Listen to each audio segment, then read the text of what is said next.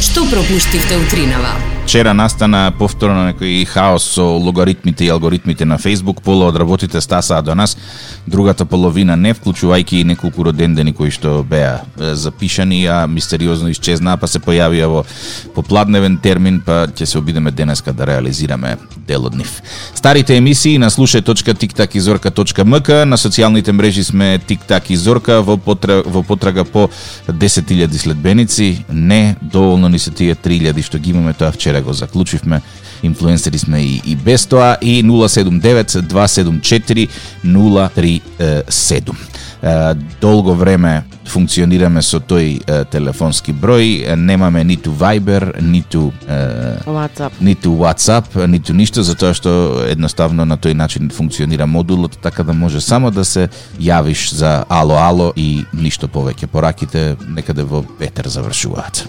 Право да ти кажам, е, како спомна одмор, така си направи филм. Е, сега од тука... Джабе ќе врне.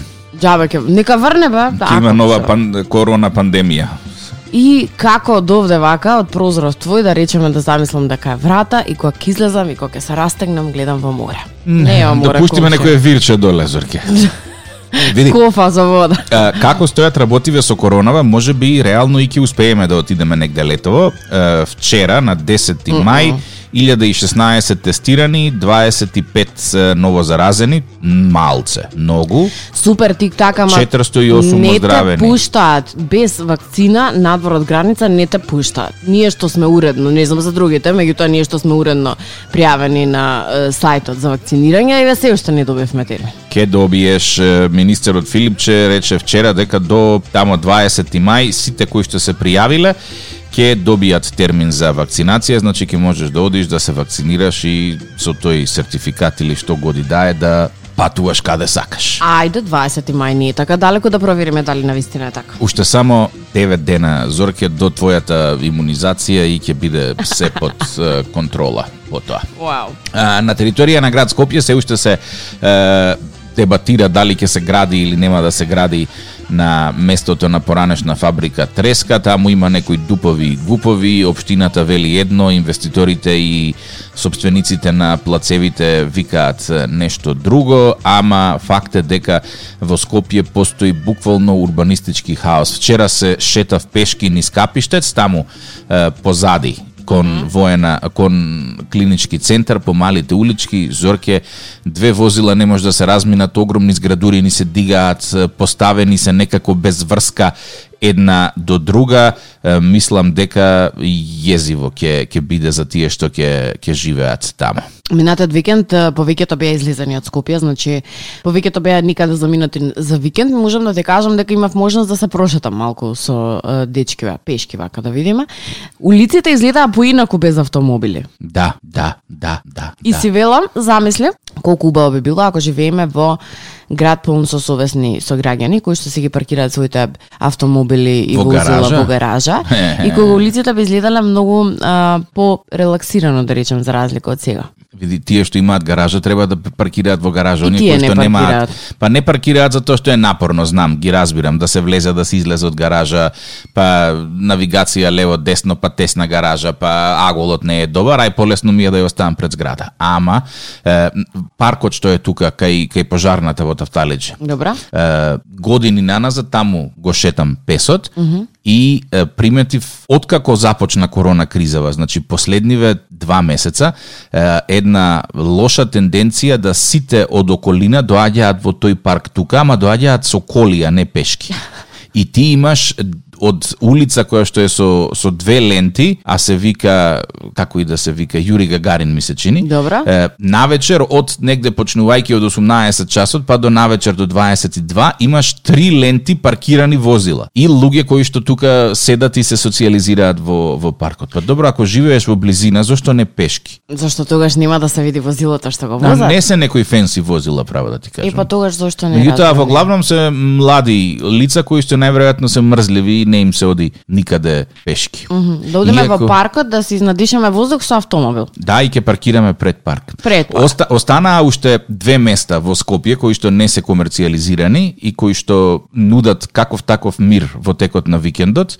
Е, Едното е дискутирано тука и бидејќи е Добро. дискутирано, ќе го кажам, тоа е, е спортско-рекреативниот центар во, во Сарај, а другото, бидејќи не е дискутирано на програма, Ќе а го јас кажеш сум пак. себичен Ау, нема го кажа. Не, се распира дека нема да го кажам да ми го расипете мирот и раатот после тоа.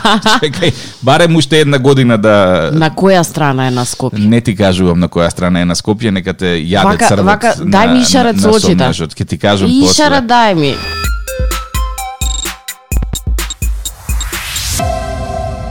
Најдов една мудра мисла од еден паметен мислител кој а, што гласи животот е она што се случува додека ти правиш планови. Да, така. Како Потепа. да го го, го прифати ова Зорки Па онака го имам баш ка- слушната, а просто да ти кажам, не дека е далеко од вистината, на вистина ти планираш, животот си тече, чекај се ова ќе направам за да одидам таму, чекај се ова ќе направам за да добијам тоа, а животот нема запирка, значи тој си продолжува. Така што, да, не треба кој знае колку да се осврнувате и фокусирате на плановите, меѓутоа добро е однапред барем да знаете од прилика што е оно што сакате да го направите, што тој што тера па без план, па и тој кај тера.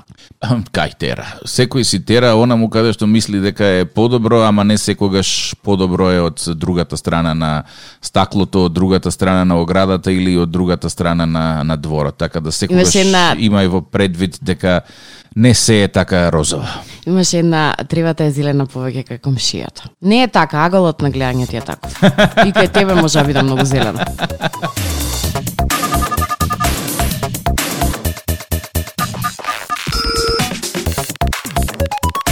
Вчера имавме еден е, роден ден, е, Бети и го честиташе 64-тиот роден ден на Славица. Е сега. Бидејќи вчера се побудале Фејсбукот. Е, вчера, да, Фейсбукот с- буквално се побудале, ние е, ниту еден роден ден немавме на, на увид, потоа се појавија во погрешни термини, итн, итн. Е, вртиме сега кај Славица. Да На видиме патерица. дали ќе ја добиеме на патерица да го одработиме она што вчера требаше да го одработиме. Знаеш колку сме ние тоа фер. И кога е наша кривица, наша кривица. Па, Патнички. Ало, Ало, Славица, добро утро! добро утро. Како си? Добра. Како, синоќа лумперајка правеше за роденденот? Журка? Не, не знам со кој разговарам. А, ќе ти кажеме со кого разговараш, чека, одма сакаш директно ти да поминеш на, на прашањето. Ние поставуваме прашање сега. Поминали ли си убаво на журката? Да, Е, супер. А, среќен роден ден. фала. Тик-так и Зорка од Радио 2, честиткава ти од е, керка ти Бети. Требаше вчера да ти се јавиме, ама вчера ние имавме еден куп е, технички и други несвојствени за нас проблеми, па е викам денеска на, на патерица. О, фала многу. Баш ми е драго што те расположивме вака Баш рано пријатно ме сабајле. изненадите и ми расположите, да. Е, замисли вчера колку повеќе ќе те расположевме, ама тоа е сега. Некогаш не се планираат така работите. Што е да, тука е? Па, а што, уште поубаво. Имаше, Непланирано. имаше ли голема собиранка или само фамилија?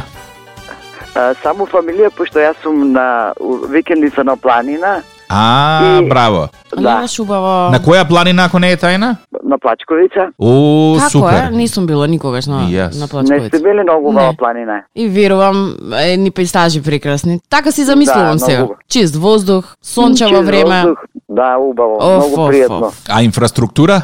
На надморска висина од 1400. Охо, машала. Епа, Да. се слуша ведрината во гласот тоа и ја да сум на планина на 1400 метри и јас ќе бидам весел, Ќе ама јас пее. сум затворен во Скопје за жал.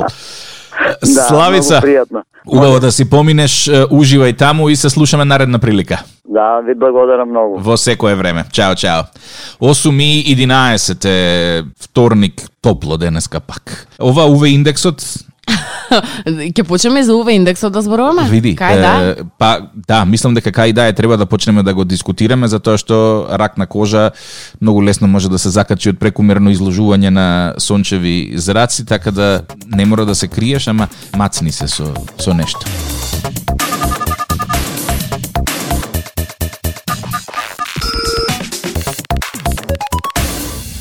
на Инстаграм само што стаса некоја а порака? Да, ма гледам дека ти се препишуваш на тема живот во Пехчево. Јас? Да. Можда. Не знам. Е, дали имате слободен роден за термин во петок? Види, драга моја, во петок велиме дека имаме еден слободен термин. Прати роден ден, ајде. Прати. Знаеш што сакам да ти кажам? Е, До каде ние луѓето одиме далеку за да ги задоволиме желбите и потребите на нашите сакани? До максимум плюс назад. До максимум. Да. Па има некој што го исторкал и максимумот е отишел многу подалеку. Што? А, воин Кусик од од Република Српска а, изградил куќа за да ја задоволи својата супруга заради тоа што а, многу интересно. Супругата не знаела, купиле плац. Супругата не знаела на која страна сака да има поглед. Аха. И вамо е било убаво, вамо е било убаво, лево, десно, на крај што направил човеков? Стаклени зидови ставил. Не.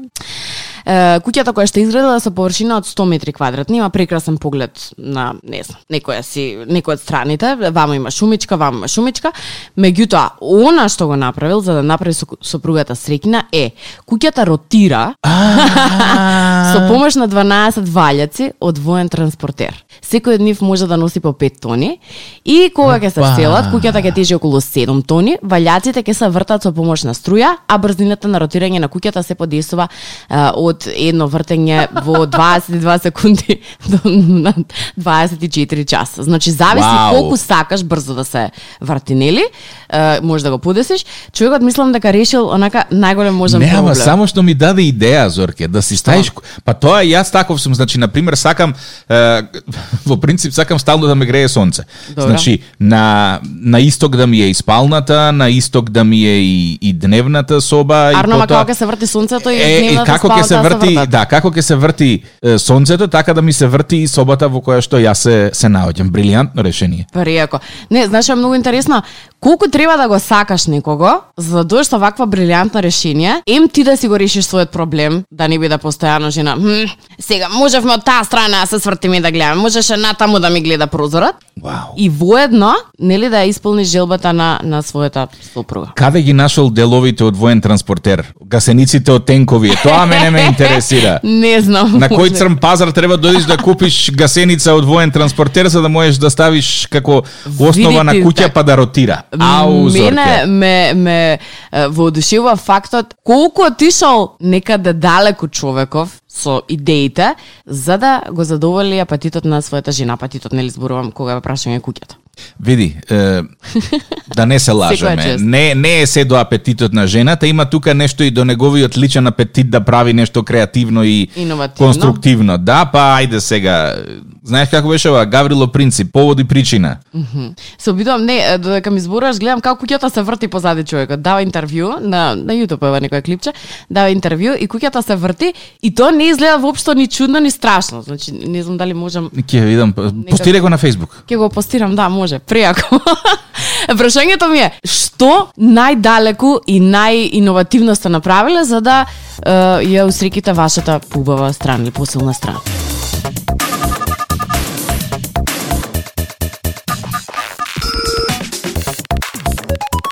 излезе една статистика за број на е, вакцини е, дадени на е, 100 жители.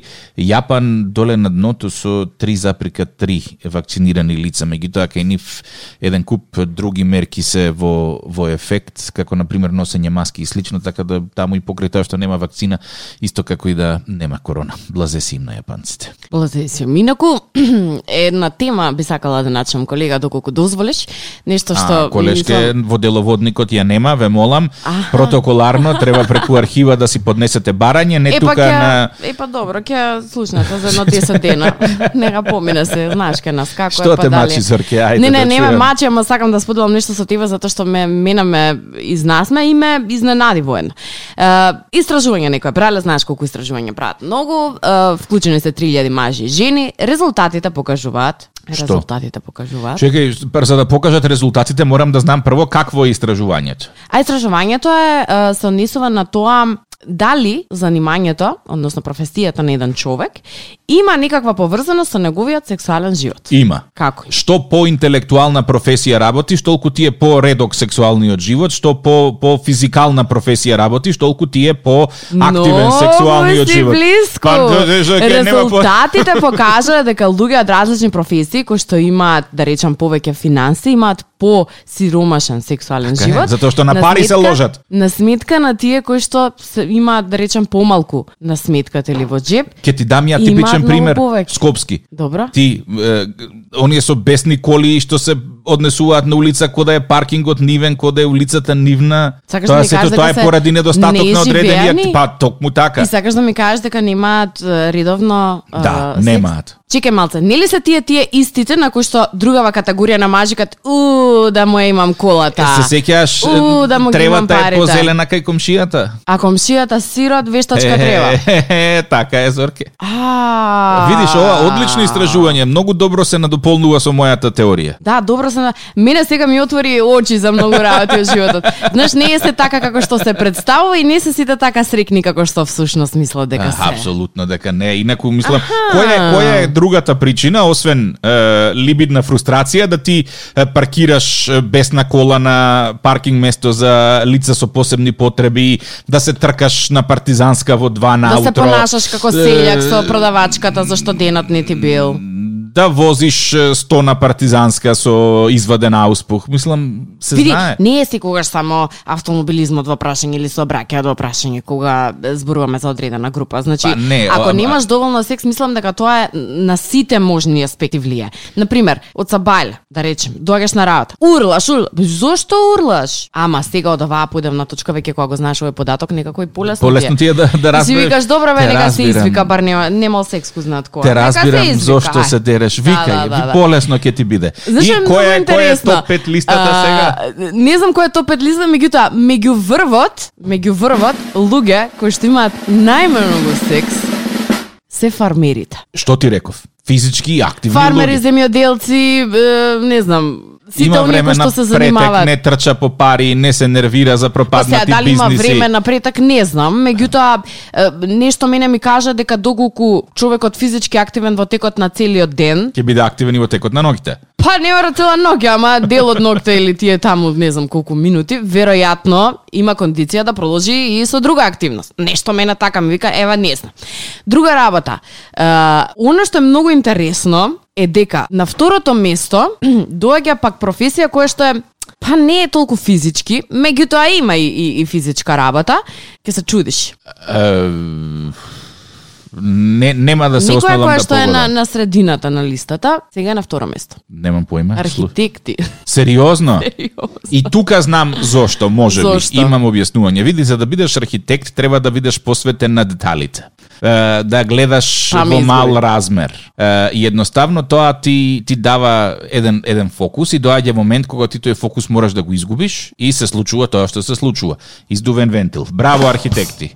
Бласе си ви На Да сите што- третото место, ева не ја погодиш никош. На третото место, е, види сега тука по места кога одиме, може би за првото место да, луѓе кои што па види и фармерите и земјоделците не е дека и немаат толку финанси, да бидеме реални, оние кои што добро работат, добро заработуваат. Да, да. И со така и архитектите дел од нив добро заработуваат, а и овие на трето место добро заработуваат ако се потрудат. Кои а се сепак тие? се на трето место. Кој? Фризери, Ха, сериозно? најсериозно. На Никогаш трето не би, место. никогаш не би погодил тоа. Е што тие ако се фризери не смеат да имаат секс? А ние радиоводителите кај сме? Лоши вести добиле од новинарите. Секој пети е, кој што одговорил на анкетата тврди дека секс има еднаш месечно. Новинарите. Тдам-тс, Да. Пушти го тоа тадам тс, нека оди. Ефт. Не им е лесно, вели, дури ни на адвокатите, кои се покажале како луѓе кои најтешко е да ги задоволите. Пф, Добро. Се додека не, не му понудиш некој договор паушален месечен. Мислиш прво да го договориш, па после да, Да. да, да имаш он... па е, што готи да да функционира. Дури два, дури 27% од нив признале дека глумат Добро. секој пат кога имаат секс. Адвокат да глум... Па да, види. Што што е адвокат да Очеку, го- очекувано ми е адвокат да Зошто глуми. се збуни адвокат вика да глуми? Шо е нивната Не, не, да работа? Оди на глумат, суд и да глуми. глумат, да Јас глумат. извинувам, мојот клиент е пример е, Искрено, не биде е, така јас сум натака. фрапиран од податокот за за новинарите. Да знаев дека има е, таков таков проблем во мојата фела, јас лично ќе се потрудам тоа да го да го променам. Мислам дека Да го треба да расипеш овој, е, мислам дека треба да организираме резултат. некое здружение за поддршка на новинари со нередовен сексуален живот и да се обидеме да види, можеби квалитетот на известувањето ќе се подобри со тоа. Можеби тука лежи е, проблемот с- ко- кој што со години ни го е, идентификуваат овие странскиве фирми за мониторинг на на медиуми за е, не знам сме А биле може би нишко едноставно на... дел од нив премногу зборуваат, па на партнерите не им е фино. Кјути више, ама не даваш репорт. Не, види, мислам дека тоа Не знам. не, не би рекол дека е така затоа што долги години се викаше по новинарите да кјутат, а отвореа уста добиваа по по муцка, така да не знам, ама тука има има потенцијал за работа, Зорки. Има потенцијал за работа. Не знам. Колеги новинари, Мене ако- ме, ме заинтригира зошто новинарите се меѓу последните места. Еднаш, еднаш месечно, колега. Тоа е многу фрапантен податок. Тоа е, тоа е Леле. демотивирачки податок. Не знам, еве, а- ако има некој колега да го демонтира ова, нека се Што ќе направи, јави. ќе се јави, не, не е тачно. Зорка со фасцинантна статистика, што се мажите се спремни да направат за колку милиони? За е, милион, за само еден. Само за еден милион. Само за, да, затоа и, и ми беше реакцијата како, а, што? А, минатогодишната студија покажала дека 56% од мажите доживотно би се откажале од секс во замена за милион долари. Добро, Јас дали сум тие мажи знаат дека милион долари може да се потрошат за две години? После што ќе правиш? За една може да ги потрошиш. Зависи, ако, И после? ако ти е зорка жена, може за многу И кратко после? да ги потрошиш. И после? И... и, и после? Тоа ти се вика краткорочно размислување. Леле, немање на стратегија. Замисли, е, еве, доаѓаш и ти викаат, окей, ќе ти дадеме милион долари, меѓутоа никогаш повеќе не смееш да имаш секс. Никогаш, никогаш. И ако во моментот кога го правиш муабетот и ја размислуваш стратегијата, може би имаш финансиски проблем, некоја неплатена сметка, некоја, хм, не знам, рата, нешто што треба да инвестираш, може би ти излега како многу добра идеја. Свикаш, хм, јас сум разочаран и онака немам многу често секс. Па дај милион. Па може би милионот ќе ме расплоди. Меѓутоа, кога ќе го добиеш милионот? Ќе останеш и без пари и без... Не, не, не. Еве да речеме ќе добиеш милион, така ќе се расположиш. Оп, Да. сакаш, не можеш. Опа! Оп, сакаш, не можеш. Оп, сакаш, не можеш. И што сме направиле? Ништо. Велја, Зор. Што ќе ти се после милион долари ако не можеш да водиш љубов со тој што го сакаш, таа што ја сакаш? Што ќе ти се? Колку вака холистички размислуваш, имаш целосен пристап кон проблематиката, просто сум заведлив. Ја зашто се вра- милион, па милиони не е така многу. Посебно не е ако многу. земеш во предвид колку години имаш, каква е инфлацијата и така натаму и така натаму и така натаму, да беше по милион годишно, може би и би размислил секоја година да ми се обновува тој И милион. тогаш што ќе правиш? Еве ќе имаш многу пари. Многу, многу, многу, многу пари ќе имаш. Ке си И- најдеш занимација, за многу пари се наоѓаат занимации, ке си возиш не знам, скапи коли, ќе Ќе си ги одиш паркираш полетување, онде на ќе- Партизанска. Па да, се што се прави низ Скопски улици Малтене. Па нема, нема емоција во тоа. Нема задоволство во тоа. Да, Емоција нема Немаш во многу можност- работи, ама ги правиме за тоа што Тик-так, убаво е да има од се по нешто, знаеш? Малку пари, малку секс, малку љубов, малку работа, малку е, дружење, м, с- од се да има помалку. Ова е, замена многу за ништо, мене ми изгледа многу страшно. Еве да ја направиме обратна ситуација. Да знаеш дека до крајот на животот секој ден би имал по неколку пати секс во замена за тоа да немаш пари. Што правиме тоа? не оди ни тоа. Добро од двете, ако мораш да одбереш едно. Комбинација? Што... Не, не, не. Мораш да одбереш од двете едно, што би одбрал? Ме ставаш пари. Знам.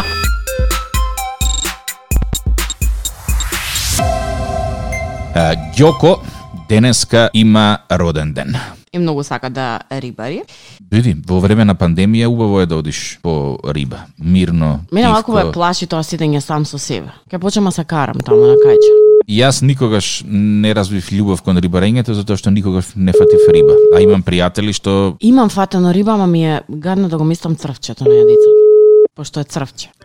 Ало, Ало, Ѓоко, добро утро. добро утро. Како си? Па добро. Да не си по риба негде од Сабајле? А, не. Не, шо така? Уствари вторник е денеска, што па по риба вторник ќе одиш? Па, идат на риба, ма не сам ја. Ако, ако. Знаеш ли зошто ти се јавуваме? Не. Па за да ти честитаме роден ден, Ѓоко. О, фала, фала. Среќен роден ден. фала, живи, здрави да сте. Тик так и Зорка од Радио 2, а честитката е од Кирката Габи. А, фала ви многу. во секое време. Кажи ми сега, тука со Зорка дискутираме какво е тоа чувство од, од Сабајле од Зори да се оди по риба сам со себе. Не те фаќа малце језа и страв? Дека да одам на риба. Па После- било кога кога одиш на риба, не знам. Ја тоа, тоа за мене е губење време. Седиш во вода, фрли, фрли, фрли, фрли, ја бар ништо не сум фатил и се нервирам. Е, ја многу фаќам и уживам. Тоа што ми Е, е пуно. до фаќањето е значи. До, до раката е. да. да. Какви се плановите? Трцка, фатеш крапче 3-4 кила и адреналинот се качува и задоволството е голямо. Уху. Е, за 3-4 кила, 3-4 бога ми, кила, да. Да. Радосно е. Е, Дај, можда ќе научам некогаш. Како ќе се слави роден денот денеска? па, у двор, Добро. Тоа, со крапче, со печурка, со... Супер. нема Тој пуба. да правиш убаво да си поминеш. Фала ти многу за млабетот, се слушаме наредна прилика.